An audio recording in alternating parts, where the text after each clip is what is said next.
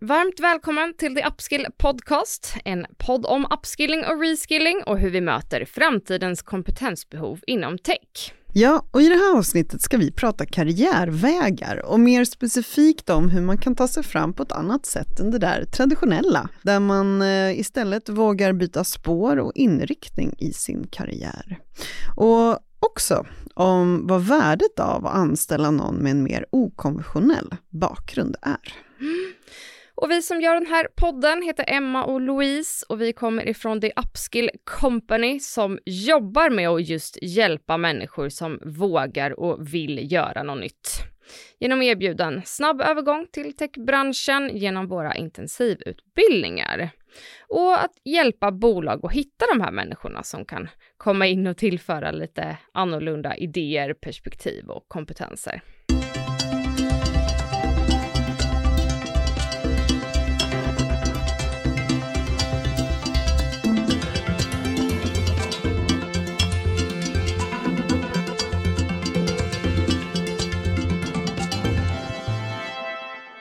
Vad vill du bli när du blir stor, lille vän? det var ju den frågan man fick jämt när man var barn. Ju. Det var liksom standardfrågan. Mm. Som också på något sätt ska liksom berätta någonting om vem det här lilla barnet är. Exakt. Ja. Nej men då som man fortfarande frågar sig själv. Har du kommit på det? Nej. Nej, jag menar hur många har koll på det då när man är när man är liten. Mm. Eller när man ska ta ett potentiellt, eller ja, vad som känns som i alla fall livsavgörande beslut när man är typ 18. Hur bra funtade man för det när man är i den åldern? Inte så jättebra för de absolut allra flesta. Nej! Nej men då, då blir det kanske att man liksom väljer det som, som ens föräldrar tycker är bäst, typ ska du inte bli ekonom mm. eller ingenjör eller något sånt där. Det är så bra och brett. Ja, exakt. Ja, kan du jobba med vad som helst Precis. Ja. Och även om man nu väljer att gå sin egen väg så är ju inte det någon garanti för att det kommer att bli rätt det heller. Nej, verkligen inte. Um, jag tycker det handlar så mycket om representation. Alltså det, eftersom man inte har världens största kanske referensram när man är i den där åldern, så väljer man ju det som man har runt omkring sig, för det är det du liksom ser som alternativ. Allt det där andra som du inte ens vet existerar, det kommer du uppenbarligen inte välja. Mm. Um, men vi kan ju ta mig som ett uh, bra exempel. Jag um, pluggade ju då historia. Eh, och det är verkligen det jag jobbar med idag. och nog för att jag har mycket nytta av det jag lärde mig då, framförallt liksom mycket med metoder och sånt där. Men, men, men jag, jag är ju långt ifrån någon historiker dagligdags i mitt professionella jag i alla fall. Och jag tycker att det där är superintressant för att om man tänker sig då att man valde det där eh, karriärvalet baserat på den referensram man hade då när man var i den åldern. Och det är egentligen först när man är på plats och faktiskt gör det där jobbet och ser liksom vad det är för ansvar och uppgifter som kommer med det, som man faktiskt kan avgöra om det här är någonting som passar en. Och där kommer igen det här med liksom referensramen in, för att det är kanske när man då är i den där platsen, i den där rollen som man då tog det där beslutet om när man var typ 20, som du kanske får en lite bredare referensram, för du ser vad andra runt omkring dig gör. Mm. Du ser situationer, ämnen, ansvar och då såklart roller som kanske verkar mer nära det du tror att du skulle passa som, eller mm. trivas i. Mm. Men så det är jätteviktigt att man får prova på lite olika typer av jobb och känna att man får utforska och experimentera sig fram liksom. Och också att det finns utrymme för att ändra sig på vägens gång och byta karriär. Att det här beslutet man tog då när man var 18 inte var livsavgörande. Nej men exakt. Och det är ju inte bara fördelaktigt för individen då som kanske får en bättre tillvaro mm. för att den gör någonting som den trivs och passar för. Mm. Utan det finns ju också ett eh, jättestort värde för arbetsgivare att bredda sitt perspektiv lite och ta in folk som är då det vi kallar karriärbytare. Mm, absolut. Men det här ska inte vi sitta och prata om själva här idag, för vi har en spännande gäst med oss. Och hon heter Julie Despras och är en stark förespråkare för det här med att våga prova på nya saker och karriärer.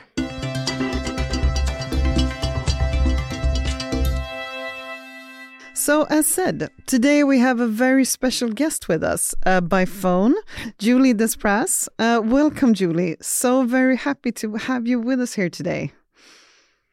Thank you so much. I'm very happy to be with the both of you today as well. Hmm. It's actually it's really dark and cold in Stockholm as we're recording, but Julie, you're in a bit nicer place. You're in Marbella. That's right. Yes, the south of Spain. I get some sun and good weather. good for you. Thank you. yeah, we're gonna talk about unconventional career paths today. And the reason we wanted you here for this, Julie, is because you have actually taken an unconventional career path. And as I said here in the beginning, you're a great advocate for this. And so, if we start from the beginning here, can you tell us a bit about your own experience and what you have done, and also how you would define an unconventional career path? Yes, absolutely. I'd love, as you said, I'm an advocate for it, and I'd love to speak about it at length. So, my background um, is pretty unconventional, as you mentioned. I'm originally from Switzerland which is pretty similar to Sweden, where, you know, people are expected to go to high school and then college, study something, and then eventually maybe intern at some company mm. and then join that company. So that's what I would, you know, consider to be a rather traditional or conventional career path. And when it comes to my journey, I've actually started off with modeling. So I was modeling when I was 18, got to work in a lot of different cities in Europe, which was a lot of fun. And then towards my 20s, I moved down to South Africa where I had a cafe. And then after that, um, an online business, which I've also sold. And then went back to Switzerland and realized that, you know, when having those two businesses, recruiting is really key in order to succeed whenever you have a business. Mm. So that led me to work um, into recruitment when I was in Switzerland. And then from there onwards, I kind of got into tech recruitment, various type of recruitment, um, and then also became a co-founder of a VR startup eventually. And ever since that space, which um, you know, having a startup is a hard journey. Um, that failed. And so I was then welcomed on the US team as head of growth. So overall, I've had seven different types of career journeys, went from, you know, totally different industries into totally new ones. So yes, I think um, there's a lot to say about having this type of, of path and what it can bring um, to your personal life as well.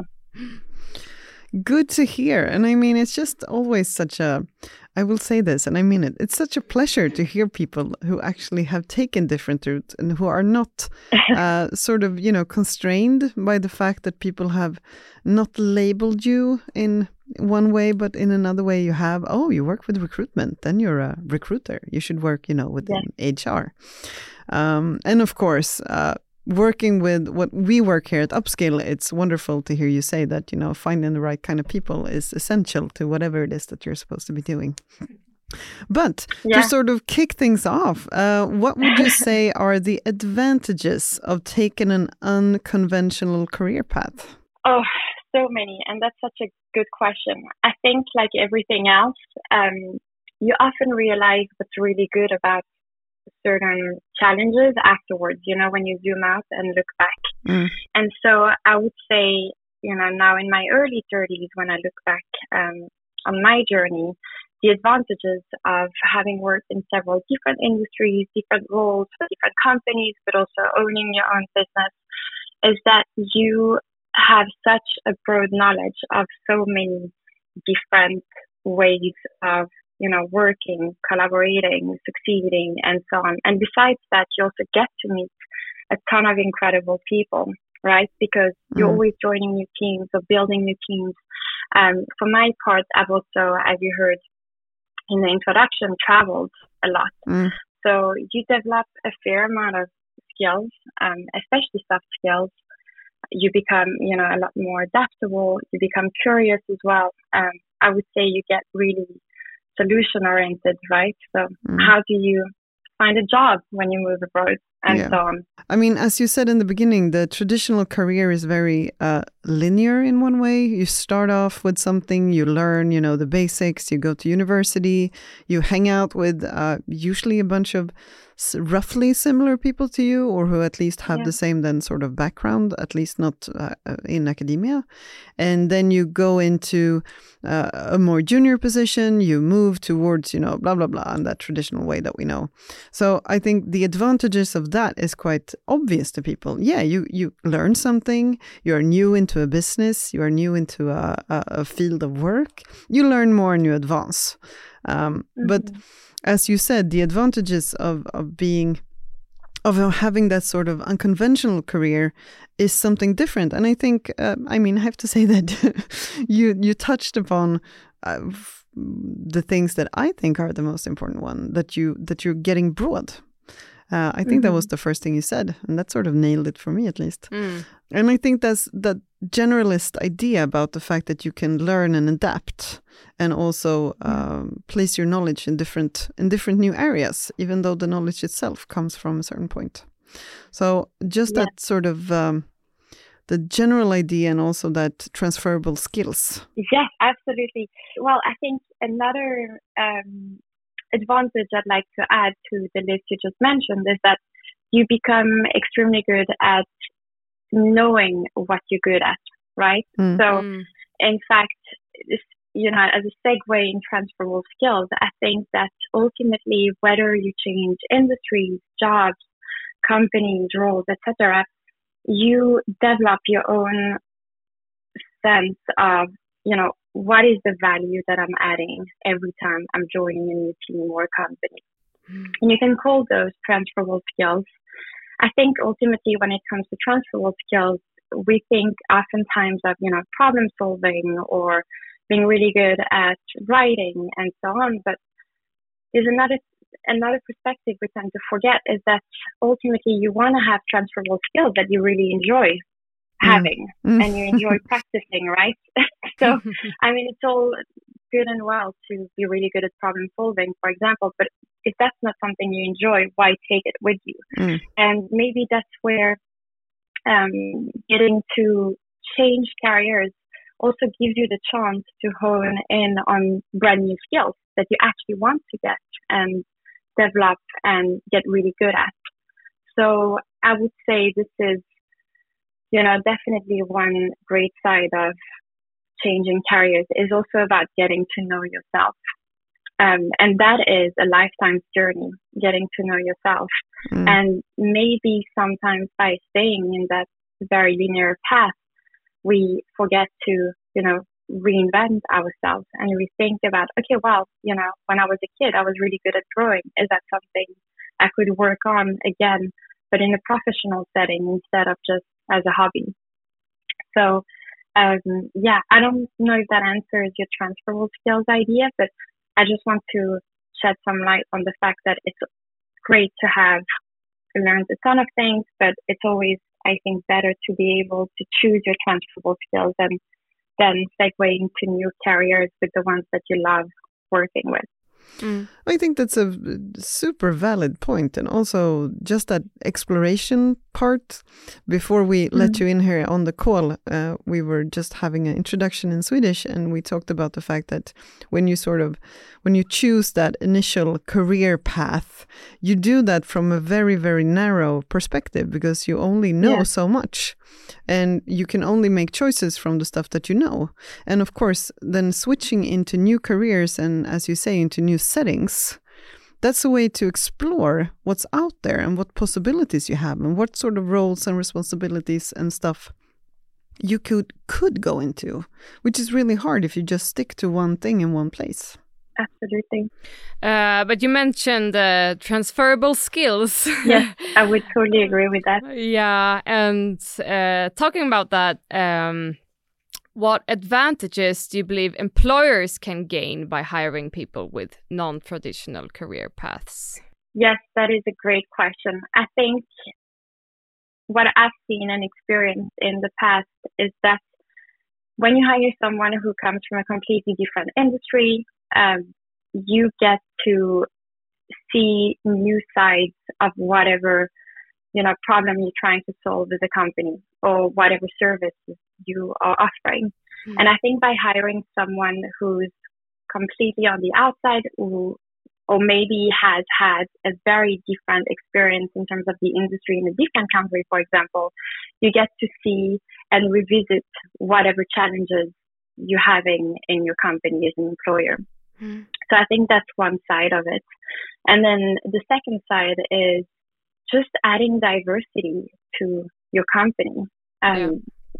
I think that is such an important you know, asset as any company. When you have people from all backgrounds with different paths, different ways of thinking, then you cover a lot more ground when it comes to brainstorming together as a team, for example. Mm. It's a chance to bring in some new blood.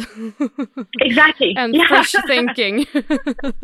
exactly. And I'm sure you know how quickly that disappears, right?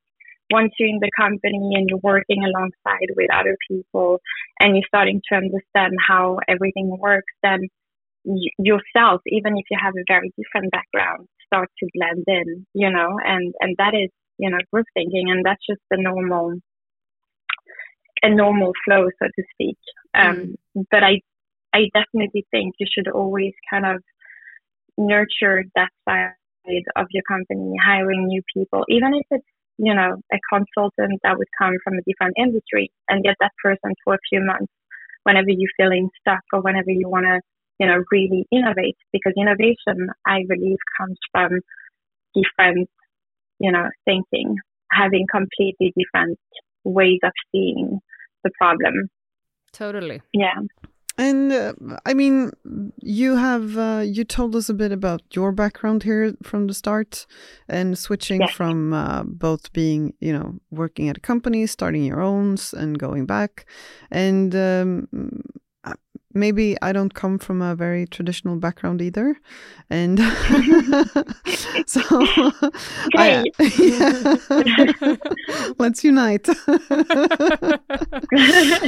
um, but what would you say are some of the common challenges faced by individuals that have this sort of unconventional background or career, and how do we make sure to um, build better structures so that they are easily more overcome? And I ask this question yeah. because I think that in in how the the work life today looks like in a lot of the industries, and especially if we're looking into you know anything within tech, uh, things move really fast, and I would say that all knowledge will be very quickly outdated today. So mm-hmm. I think, and this is of course a very personal perspective, but the unconventional career is going to be a lot more common and needed. But yes. uh, things are moving quite slowly when it comes to the whole recruitment phase. So just, you know, what are some of the challenges faced and what can we do to make sure that they are less so? Yes, that is such a great question. And I'm so glad you're part of that group as well of unconventional uh, paths because you, I mean, you're 100% right. I think, you know, we can look back 10 years ago um, when I, you know, was labeled as such. Mm. I think the main challenge was how to sell yourself, how to sell the, the skills that you gained and maybe don't have a reference for, mm-hmm. you know. Um, you so that was, I think, the, the biggest challenge as to okay, how do I actually sell myself into working for that company or within that industry when I have nothing to show for it. Mm. Although we could argue it's the same challenge for students, right? When they yeah. enter the workforce, how do they actually prove that they're able to do so? And so I think that is definitely you know, one of the challenges, but then with that comes, um, as you mentioned so well, labeling, right? So it's always, you know, the recurring like, oh, but you've been hopping jobs so often. oh, but you've been changing industries. How come you went from, oh, you know, from modeling to recruiting, or what made you go from owning your cafe to suddenly go work for another company in the tech industry. So I think there's that constant need of justifying what you've done in life, which can be really heavy at mm. times. Mm. Although it does develop your storytelling skills, I can tell you that.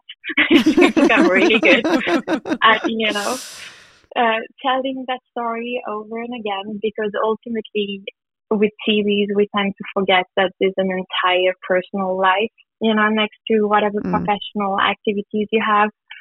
So it, I would say, you know, that struggle is really, I think, tiring eventually. But as you said really well too, I feel that nowadays with social media as well, unconventional paths are becoming more and more common, right? Yes. How many stories have we heard um, of people studying, you know, a law degree and then becoming a programmer mm. five years later. So I think because it's becoming more and more public, and also, you know, lots of founder stories out there in the tech industry that have, you know, built a company based on nothing that they studied or done before. Mm. So that's really helping the narrative, I think, and it's helping the world celebrate unconventional um, career path.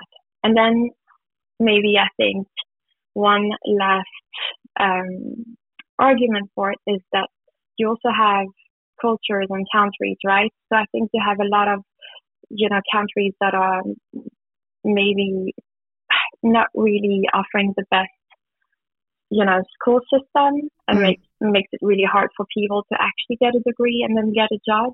Mm-hmm. And so that would just makes sense that people have more than conventional carriers. And, and then you have very conservative countries that only, you know, um, believe in that type of system. So there's so many different aspects, I think, that need to be taken into account when we, you know, speak to someone that has had an unconventional career.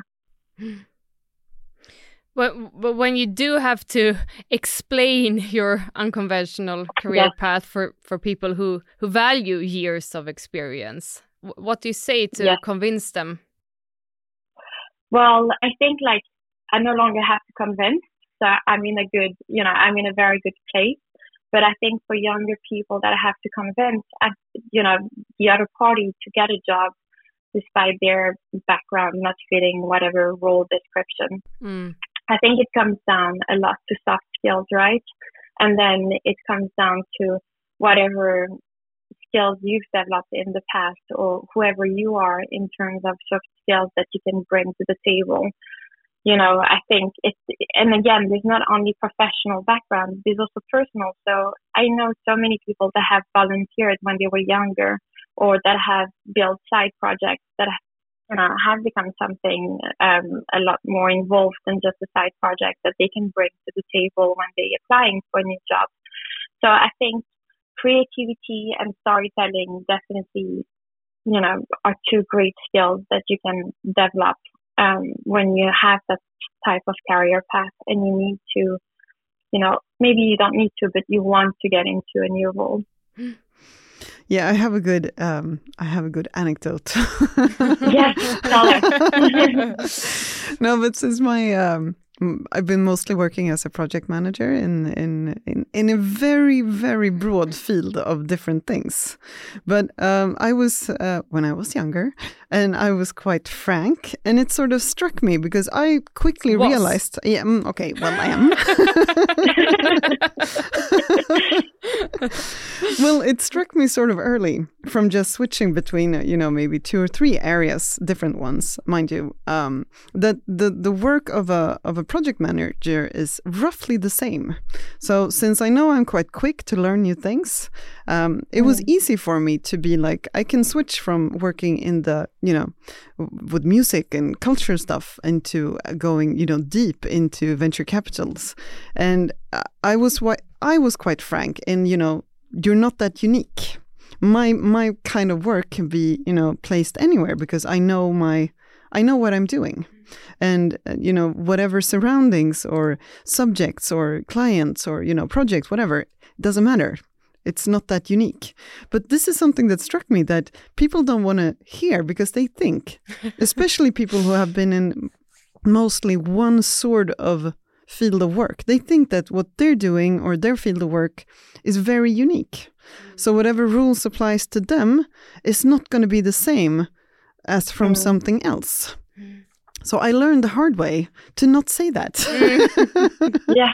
yeah. It's the same. People don't want to hear that you can actually learn like a new role in 12 weeks like yeah. we, like we do. Mm. Uh, they don't want to hear that when they have uh, gone to college for six years. Or... Exactly. So I'm just sort of adding this on to what Julia just said uh, about, you know, find a narrative and a way to tell the story.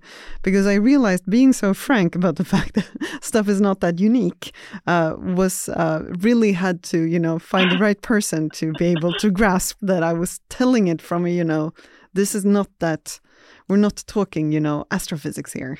This is uh, yeah. We can we can work with this, but it's. But you brought uh, up hmm? you brought up such a good point, Louise, because I think that is another great side effect, so to speak, to having an unconventional career path is that you you get really good really quickly at figuring out what's the basic or the foundation of the new job you you having you know how like you get really good at understanding how things work mm. and where you can start adding value and mm. i think that's an undermined um, skill uh, mm. which is so useful pretty much in everything that you do in life whether it's taking up a hub a new hobby you know or building a company from scratch you get to to see that really quickly and then apply it really quickly but i can see how that you know uh, makes a lot of people angry when they are loving being an expert at, right?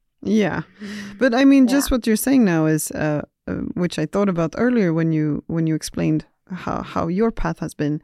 There is some sort of entrepreneurial part of it about being able to do an unconventional career because you have to realize yeah. just what you said, like, okay, in this field of work or in this sort of role, uh, what is it that adds value? How do I make sure that yeah. I work with the things that actually have a point and not waste it mm. on stuff that people just assume they have to be doing because they've done it in the past? Mm. Uh, ah, absolutely. Yeah, I think that's a that's a key factor uh, when it comes to people with unconventional careers. Mm. Yeah, I would agree.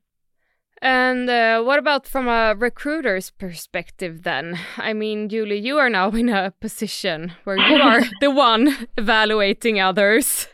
Uh, what would you say? What are your key factors to look for when facing someone with an unconventional background? Yes, well, that's a great question. Although today, as head of growth, that's not something I do anymore. Mm -hmm. But I mean, hopefully very soon I'll be hiring again for the team. Mm-hmm. But when I think about, you know, when I receive the CVs and I look at someone who's had an unconventional career, I tend to understand um, rather what's in between the lines. Um, so how can I explain that?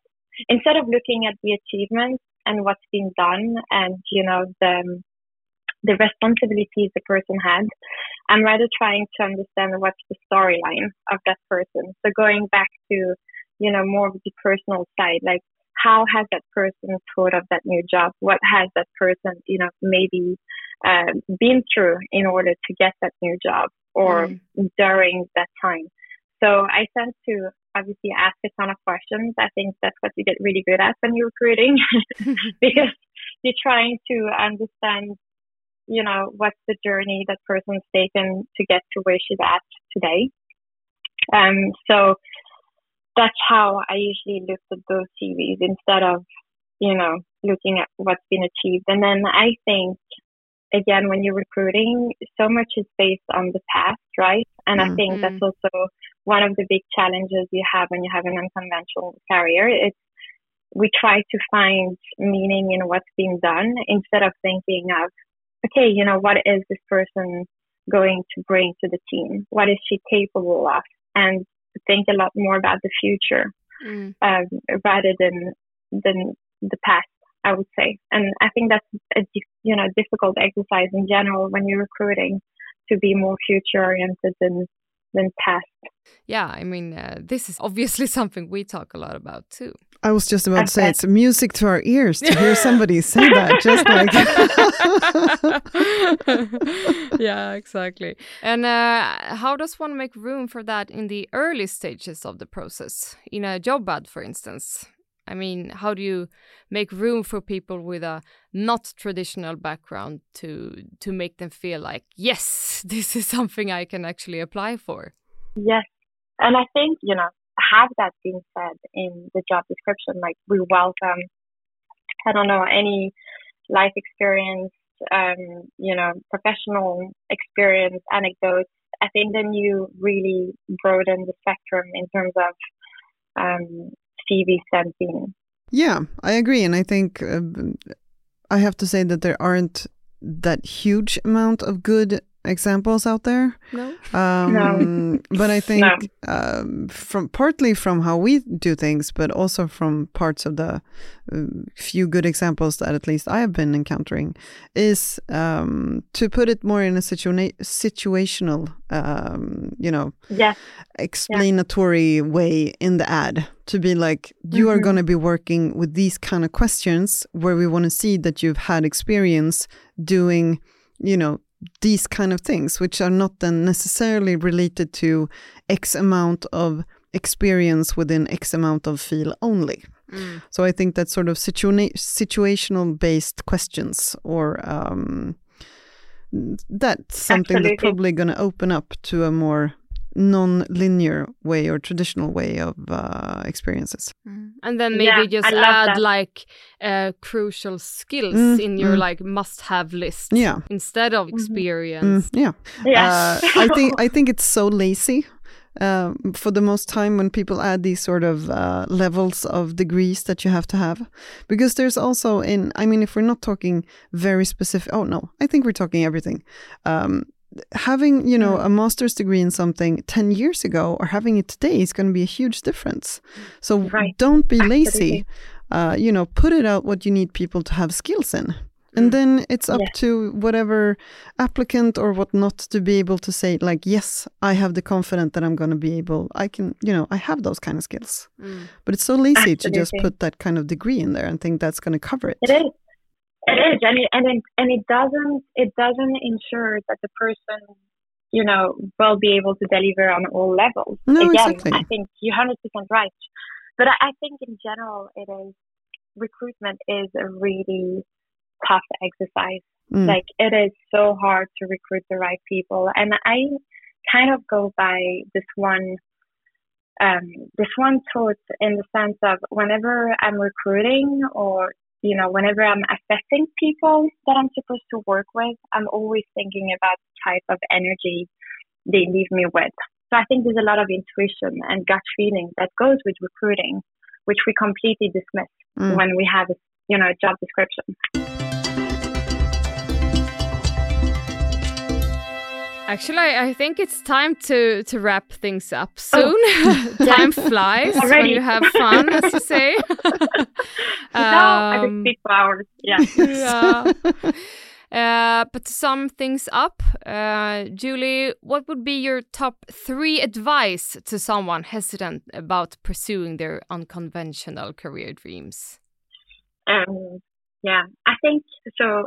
A, a few a few tips. Um, the first one is does the change you're wanting to make actually light you up? Do you think, you know, when you'll be going to bed on Sunday night, you'll get excited to wake up on Monday and actually go and work mm. um, on that project or, you know, new new career you want to build for yourself? Mm.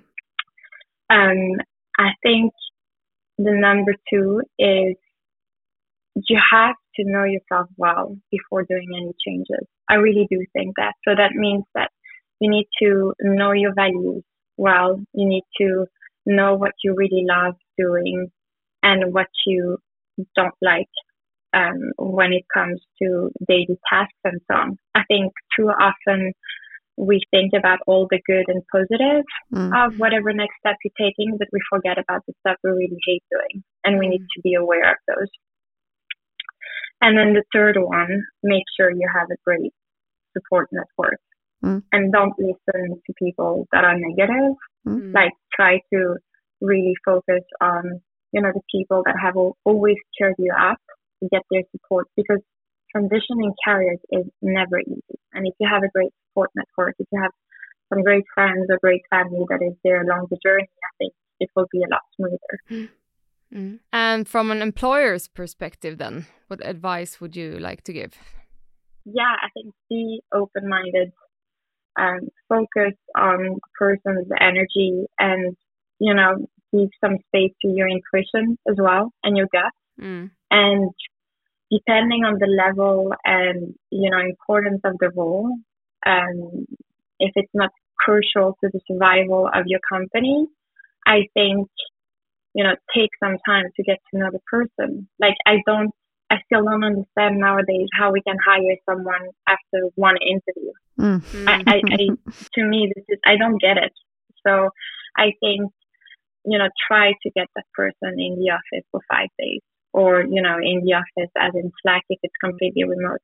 Get to know the person um, and get to know their motivations and also, you know, make sure that you really motivate and cheer that person, you know, when you get to see the potential they have. Mm. So I think there's, I mean, there's so much to be said for the employer side, but I think again, it's the same for someone who's looking to be employed. Assessment should be on both ends, not only on the employer side. So as an employee, make sure you take the time as well to get to know whoever you're going to be working with Mm. before agreeing to that brand new job. That was a really, really good ending note. Um, I just want to add that uh, for those of you listening, um, add Julie on uh, LinkedIn. She posts Yes. really good stuff and are a part in Thank good you. discussions. So if you find this topic important, uh, she's a good voice out there. And finally, thank you so much for coming. You've added so many good things here. Um, so happy to have you here today.